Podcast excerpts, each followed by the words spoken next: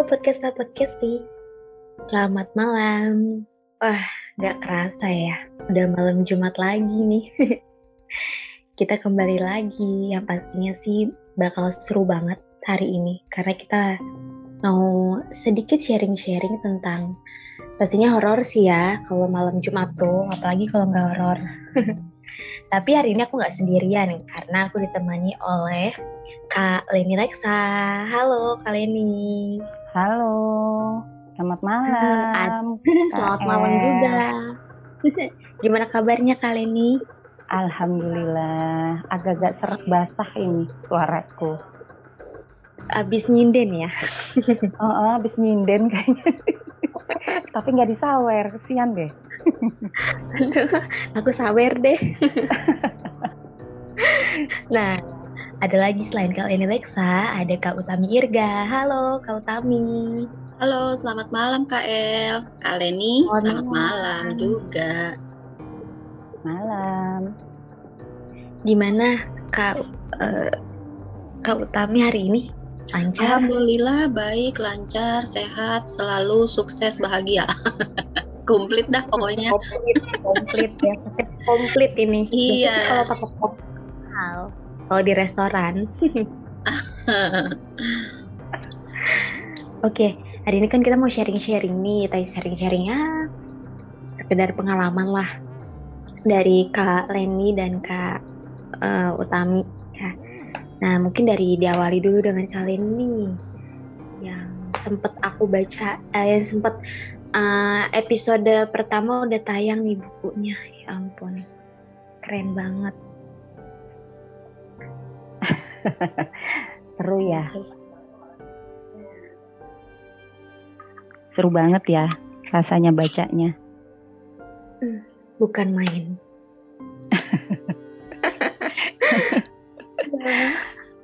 Iya, itu apa uh, keser salah satu keseruan yang bikin uh, antara enak sama nggak enak deh bikin buku itu. Ada berarti ada momen tersendiri ya apa sih maksudnya apa sih yang kak Lexa waktu itu jadi uh, awalnya sih sebenarnya uh, kenapa membuat buku itu karena para penulis ini punya beberapa kelebihan. Nah, misalnya hmm. uh, ada yang bisa melihat um, uh, apa yang astral gitu.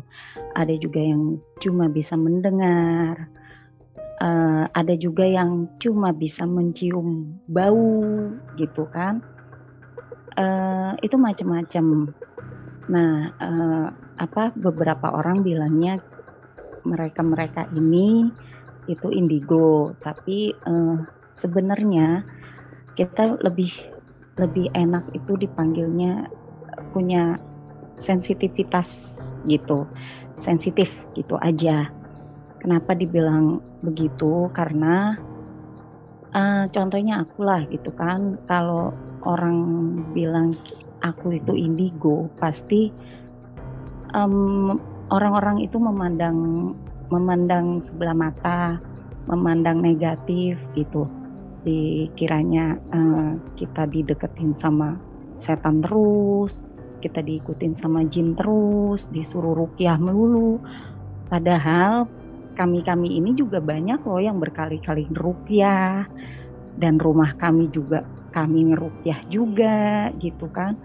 Dan kami juga sholat, bener-bener ngerukyah diri sendiri gitu.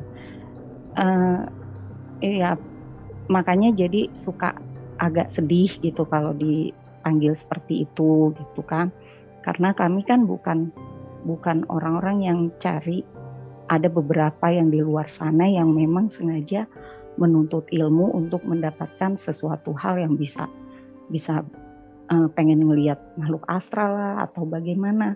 Sedangkan kami kan memang kami malah berusaha pengen buang karena capek gitu kan. Bisa seperti itu tuh nggak nyaman gitu capek. Uh, tapi ya memang nggak bisa malah aku sampai seneng banget nonton film X File Kenapa gitu? Karena aku tuh ngerasa kayak uh, X-File ini seperti diriku gitu. orang orang-orang itu mereka kan mutan ya kalau X-File ya.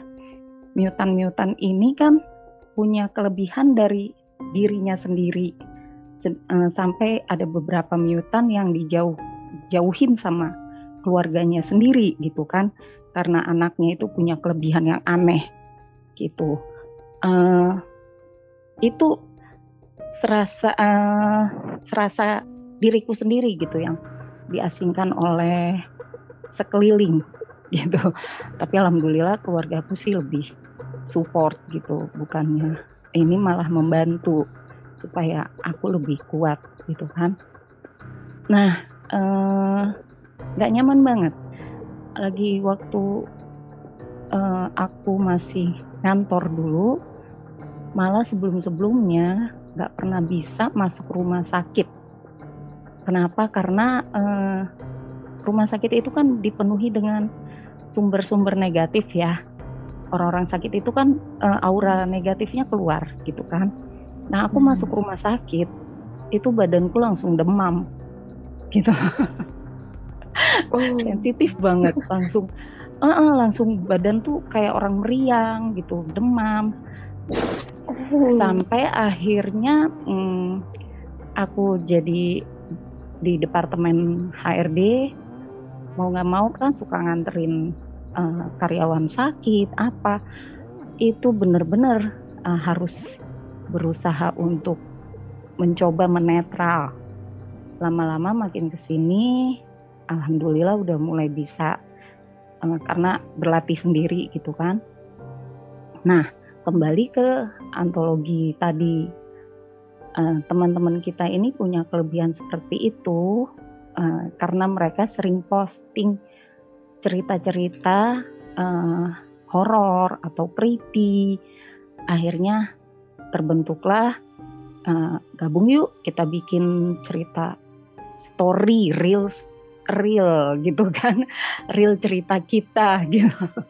Hmm. akhirnya uh, awalnya sih belum real masih yang yuk kita bikin cerita gitu. Uh, akhirnya bikin. Nah booming nih. Alhamdulillah gitu banyak yang suka. Baru deh terpacu gimana kalau kita bikin real story kita aja Hmm, Sebenarnya sih iya. agak-agak nggak nyaman karena uh, ya itu apa bikin kita pada meriang. Bikinnya itu Soalnya, luar biasa gitu. aku bacain aja yang awal mulanya aja aku bacain tuh udah kayak yang berinding-berinding sebenarnya jujur ya bun aku tuh nggak nggak hmm. gitu nggak gitu suka sama horor sebenarnya. Cuman ada merinding juga ada kantor ada takut juga itu. Cuman ya gimana ya seru gitu kalau ngomongin. Cuman ya itu kadang takut. Ya gitu-gitu deh tapi sebenarnya kayaknya seru gitu mau dilanjutin lagi tapi uh, takut tapi seru tapi ya udah gitu. Jadi tapi penasaran gitu kan? Hmm, penasaran Nah, untung iya. ada Kak Ingrid yang baca. Tapi ya itu uh, apa? Uh, suka aneh aja gitu orang suka horor-horor uh, yang mungkin uh, men sebagian mental orang kan beda-beda ya. Kalau aku ya mungkin karena sering melihat yang aslinya jadi nggak nyaman. Apalagi ya uh, salah satunya nih yang enteng aja misalnya kita lagi ke 21 gitu kan ke FX1 hmm, di selesai film kan biasanya suka rame-rame tuh pada antri ke toilet ya gitu kan pada hmm. ngantri gitu apalagi perempuan hmm. lama banget gitu kan di toilet tahu-tahu setelah pas bagian kita pas masuk jeng-jeng ada yang duduk di dalam kamar mandi di klosetnya gitu. Dan kloset uh, kloset kloset bioskop begitu kan pas-pas body gitu kan. Nah kebayang nggak gimana rasanya kita kebelet tapi harus dudukin dia yang di yang sedang duduk di kloset? Nggak mungkin dong. Kalau kita yang nggak ngelihat sih nyantai aja blek duduk gitu ya. Nah buat kita kita yang bisa ngelihat gimana coba? Akhirnya terpaksa aku keluar lagi nahan hmm, ikutan ke kamar yang sebelahnya gitu. Ngantri lagi. Ya gitulah salah satunya. Serem juga berarti ya. Aku kayak gitu kayaknya nggak bakal kuat deh bun. Beneran. Iya makanya kan uh, Allah kan sudah punya orang-orang pilihan yang ini kamu sanggup kamu tidak gitu kan. Uh, samalah kayak kita sedang diuji kehidupan nih aduh kita lagi susah kamu tuh sebenarnya sanggup gitu. Cuma kan kadang kita memang ngerasa aduh aku tuh udah nggak sanggup aku tuh capek gitu kan ya sama. Saat ini sih kadang kalau udah kayak gitu aduh mending aku pengen jadi orang yang biasa deh yang nggak bisa ngelihat yang nggak bisa denger nggak bisa apa. Enak mau pipis mah tinggal pipis mau tidur di hotel mah tinggal tidur. Ya gitu. Uh, seru aja deh pokoknya masuk apa uh, hotel apalagi bareng teman-teman yang udah tahu kita gitu disuruh kita duluan. Masuk ke kamar cek-cek uh, ruangan masih di depan pintu. Kalau buat aku nggak nyaman aku berarti pasang tanda mundur gitu kan. Ya udah nanti teman-teman langsung bilang ke OB-nya atau ke petugasnya bisa minta kamar lain nggak? Gitu deh. Seru-seru gimana deh pokoknya Berarti sebenarnya di sisi lain tuh ya nggak serem-serem banget kayak Bun, ya kan? Maksudnya ya, ya betul. ada serunya lah gitu. Orang beranggapan mm -hmm. kan negatif ya kayak ah uh, pokoknya mananya negatif lah gitu. Padahal sebenarnya sih kalau yang aku tadi dengar ya sebenarnya ya nggak semua hal negatif gitu. Ya tadi aja kayak uh, justru kalau udah nemu temen yang tahu tentang hal gini malah jadi seru gitu. Malah kita kayak tertantang lagi gitu. Kayak kepo lagi sebenarnya apa sih yang dirasain atau gimana sih gitu kan ya. Jadi aduh keren deh pokoknya ngebayangin diri sendiri kalau uh, diri sendiri kayak gitu gimana gitu ya? Iya jadi kayak ngebayangin diri sendiri tuh kalau kalau saya jadi dia gimana gitu kan? Termasuk uh, uh kuat atau enggak gitu kan. Karena uh, yang aku denger denger nih ya bun mm-hmm. kalau misalkan kayak gitu bisa gila ya bun atau gimana sih bun? Kok bisa kak? Orang-orang tuh bilangnya kayak gitu kadang. Ya Coba itu kadang kan ah. orang ya itu aku bilang orang kan suka salah persepsi udah mandang negatif duluan. Kalau yang gila itu mereka-mereka yang uh, biasanya cari ilmu, nuntut ilmu. Itu rata-rata nggak kuat, ya udah jadi gila. Ada beberapa temen papaku banyak yang begitu. Mereka gila ilmu, nuntut sana sini, ada yang sampai bakar keponakan, ada yang mm, udah gila akhirnya sampai cerai sama istrinya gitu. Ya karena bukan orang pilihan gitu. Kita-kita ini kan orang-orang yang pilihan Allah bilang kamu sanggup gitu kan. Nah dan ini seumur hidup. Nah mereka kan nggak dari nggak dilatih dari kecil. Mereka tiba-tiba. Kalau kita kan dari kita bayi pun kita udah tahu udah bisa ngeliat udah bisa mencium udah bisa mendengar. Beda-beda. Ada yang nggak bisa ngapa-ngapain tapi feeling. Eh kayak ada gitu. Tapi nggak ngeliat tapi nggak ngecium tapi nggak dengar tapi punya feeling. Itu kan beda-beda. Beda-beda kelebihan masing-masing. Gitu. Hmm. Iya, jadi kalau kayak gitu mah istilahnya kayak memaksakan ya bun. Padahal kan betul. bukan dari Tuhan ya kan? Malah memaksakan. Jadi kan serem banget tuh tadi yang pas bunda bilang bakar ponakan lah sampai uh, cerai iya, sama istri. ponakanku ponakanku yang kena Ya ampun. Mana yang paling cantik uh, dibakar sama omnya. Gitu. Demi demi hanya itu ya Bun ya jadinya ya. Jadi orang Uh, kayak jadi jadi dia seperti dengar bisikan kalau Hmm. uh, harus bakar uh, bakar yang ada di depan dia itu uh, apa? Itu setan, itu setan gitu. Di, dibilangnya Hmm. dibisikin dibisikinnya gitu. Padahal yang dibakar sama dia keponakannya. Itu. Dan itu kejadian itu kejadian pas banget orang lagi pada terawih. Gitu. Hmm.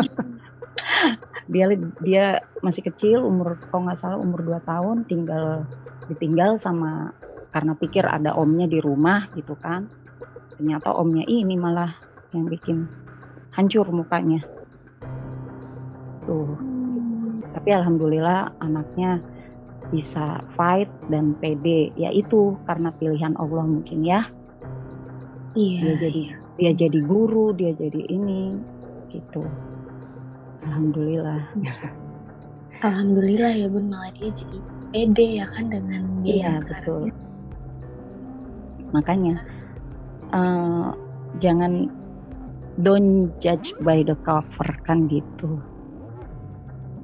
Jangan dikira orang-orang yang seperti kami-kami ini yang nggak suka nggak suka sholat, nggak suka apa gitu seenaknya hidup gitu kan. Padahal kita malah semakin mendekat ke ke Allah gitu. Malah kadang semakin merasa kok kayak kita dilatih untuk ini gitu, untuk semakin eh, tajam penglihatannya gitu. Hmm, iya. Itu jadi ya tergantung ya kita mendekatnya Mm-mm. ke mana.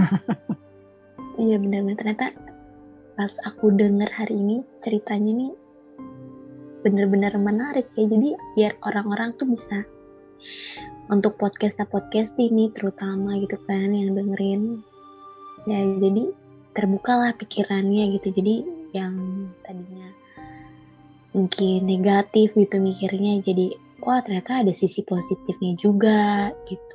Wah ternyata nggak cuma tentang yang gimana ya bun ya negatif yang serem gitu ya. Ternyata yang iya, sebenarnya kalau kita kulik gitu. Itu dia. Aku sih sebenarnya jujur ya, eh eh, sebenarnya lebih kurang setuju kalau eh, apa cerita-cerita horor-horor yang gimana-gimana itu lagi marak kan sekarang ya. Itu diangkat, diangkat, diangkat. Kenapa? Karena semakin kita semakin kita eh, angkat cerita-cerita yang seperti itu atau difilmkan yang terutama ya itu akan semakin mendekat dan semakin banyak gitu di sekitar kita ya kayak kita aja misalnya aku sama Kak Els ngomongin eh, Kak Utami gitu kan. Pasti dong eh, pas temennya Kak Utami lewat misalnya. Terus dia kepo dong eh denger nama temenku nih disebut-sebut. Terus eh, pasti manggil Kak Utami dong. Ntar Kak Utami ada seneng atau apa gimana? Eh aku dipanggil nih. Eh aku mau dibikin film nih. Nonton yuk atau eh, deket eh, apa lihat yuk apa gimana. Kan akhirnya semua teman-temannya makin banyak. Hmm, hmm. dan juga nggak semua nggak semua yang dibikin film itu suka gitu. Hmm, kadang aku suka miris juga. Gitu. Mungkin eh, Kak Utami ada bisa melanjutkan Iya. hal yang lain Halo, halo. Aduh, saking seriusnya nih nyimak cerita Kak Leni. Jadi, aku teringat eh, saat baca buku kitab horornya Kak Leni tuh yang berjudul Portal Alam Gaib. Judulnya aja kan udah rada ngeri-ngeri sedep gitu ya. Kalau saya mah nggak ada sensitivitas gitu kan. Cuman kalau dengar waktu Kaleni cerita soal bagaimana buku itu dibuat, bagaimana kisah para penulis itu dalam uh, proses menulis, kemudian editornya, kemudian penerbitnya kan ada cerita tuh uh, sampai gimana tuh kalian nih waktu cerita bahwa ada sesuatu yang rada janggal gitu ya ketika editor ya kalau nggak salah ya kak? Editor. Uh, uh, editor sampai uh, ngeheng gitu ya? Uh, kalau yang ngeheng penerbit oh, laptopnya. Oh, Nah, jadi kayaknya semua uh, hampir semua unsur dari mulai penulis, editor, penerbit itu tuh uh, istilahnya mah kena dalam tanda kutip gitu kan. Jadi waktu uh, aku pesan buku antologinya kalian yang kitab ini yang um, halamannya cukup tebal bisa dijadi dijadiin bantal. uh, tertarik, cuman agak-agak ngeri juga walaupun nggak ada sensitif ya, cuman kalau horor tuh seneng aja gitu. Misalnya di TV ada apa namanya ada uh, program horor itu aku suka nonton. Tapi memang nggak ada efek apa-apa gitu. Nah untuk yang buku Kaleni ini uh, ada trik khusus. Karena uh, aku sendiri kan nggak tahu ya kalau seandainya baca cerita yang nyata seperti itu apakah bakal connect nggak sama diriku? Kan nggak tahu juga. Jadi dalam rangka ngambil kehati-hatian nih aku baca di siang hari. Itu begitu baca halaman pertama sengaja tuh aku nggak baca cerita kalian ini dulu karena pengen dari awal gitu kan. Jadi uh, aku baca siang hari dengan segala persiapan gitu ya baca-baca kul-kul ayat kursi dan lain-lain dalam rangka mempersiapkan itu baca buku itu gitu kan. Ya ada ngeri-ngeri sedap juga maksudnya menjaga aja. Uh, halaman demi halaman aku baca uh, pengen terusin baca keburu maghrib aku tutup. Terpaksa harus besok gitu kan uh, ngelanjutin baca. Pernah intip-intip malam-malam ah aku ada rasa takut untuk uh, aduh nanti bakal gimana ya? Ada tuh rasa takut gitu gitu kan. Karena memang dengar cerita kak Leni yang uh, ada efek buat orang lain gitu kan. Ya mungkin orang lain itu juga mungkin ada sensitifnya kali ya kak ya. Nah terus begitu cerita kak Leni ada tuh sedikit uh, bukan koneksi istilahnya mah uh, apa ya membayangkan agak terlarut gitu. Tapi nggak begitu membuat uh, merinding nggak tuh. Begitu cerita yang mana ya uh, aku lupa tuh judulnya apa. Itu satu tuh di antara semua judul di buku uh, kitab horor itu ternyata uh, membuat uh, ya cukup merinding lah. Rupanya mungkin karena dari cerita itu ada uh, sedikit pengalaman yang mirip gitu. Jadi ketika baca itu tiba-tiba merinding tuh. Itu siang hari ya, bukan malam hari. Itu tiba-tiba merinding dan keinget waktu aku ngalamin uh, cerita itu dan aku pikir kok bisa mirip gitu. Oh, jadi ya begitulah kira-kira uh, ceritanya dari buku Kak Leni yang cukup membuat uh, aku merinding gitu Kak. uh, apa namanya pengalaman lah pengalaman. Tapi tidak membuat aku kapok untuk membaca buku horor lagi sih. Barangkali kalian ini kan banyak pengalaman gitu kan. Cerita-cerita um, atau pengalaman-pengalaman yang tadi kalian ini udah ceritain. Kayaknya sih memang nggak bisa dalam waktu yang sekejap gitu kita cerita ya. Untuk cerita yang satu ini perlu waktu yang cukup gitu ya kali ini ya mungkin di lain waktu lagi tuh ya, sih ya. KL uh, saya, aku sih testimoni buku buku kali ini dan teman-teman yang ternyata ada dari salah satu cerita itu yang membuat aku merinding gitu jadi memang nyata adanya gitu padahal aku nggak punya rasa uh, sensitif itu gitu KL oh berarti menarik lah ya ternyata. Iya. Walau ada uh, sensitif merinding merinding gitu ya sama kayak aku juga ya merinding merinding gitu kan. Ah ah ah. Oh tapi ya ya gimana ya tapi kadang kita juga kepo sebenarnya kepo ah. juga mau gimana benar. ceritanya gitu cuma iya, ya benar. itu tadi yang bu ya kelemahannya adalah merinding terus sensitif connect juga gitu ya iya oh, gitu aduh aku Ya, udah itu sih. Eh, mungkin akunya aja yang rada-rada parno gitu ya kenapa mesti siang hari kemudian baca-bacanya yang wah kayaknya lebay juga sih ya tapi ya dalam rangka menjaga gitu ternyata bikin merinding juga itu padahal siangnya ambu ya siang. iya siang itu sampai aku lihat di rumah sekeliling be be be ini kenapa jadi merinding nih Oh iya, aku mau nanya nih ke Leni.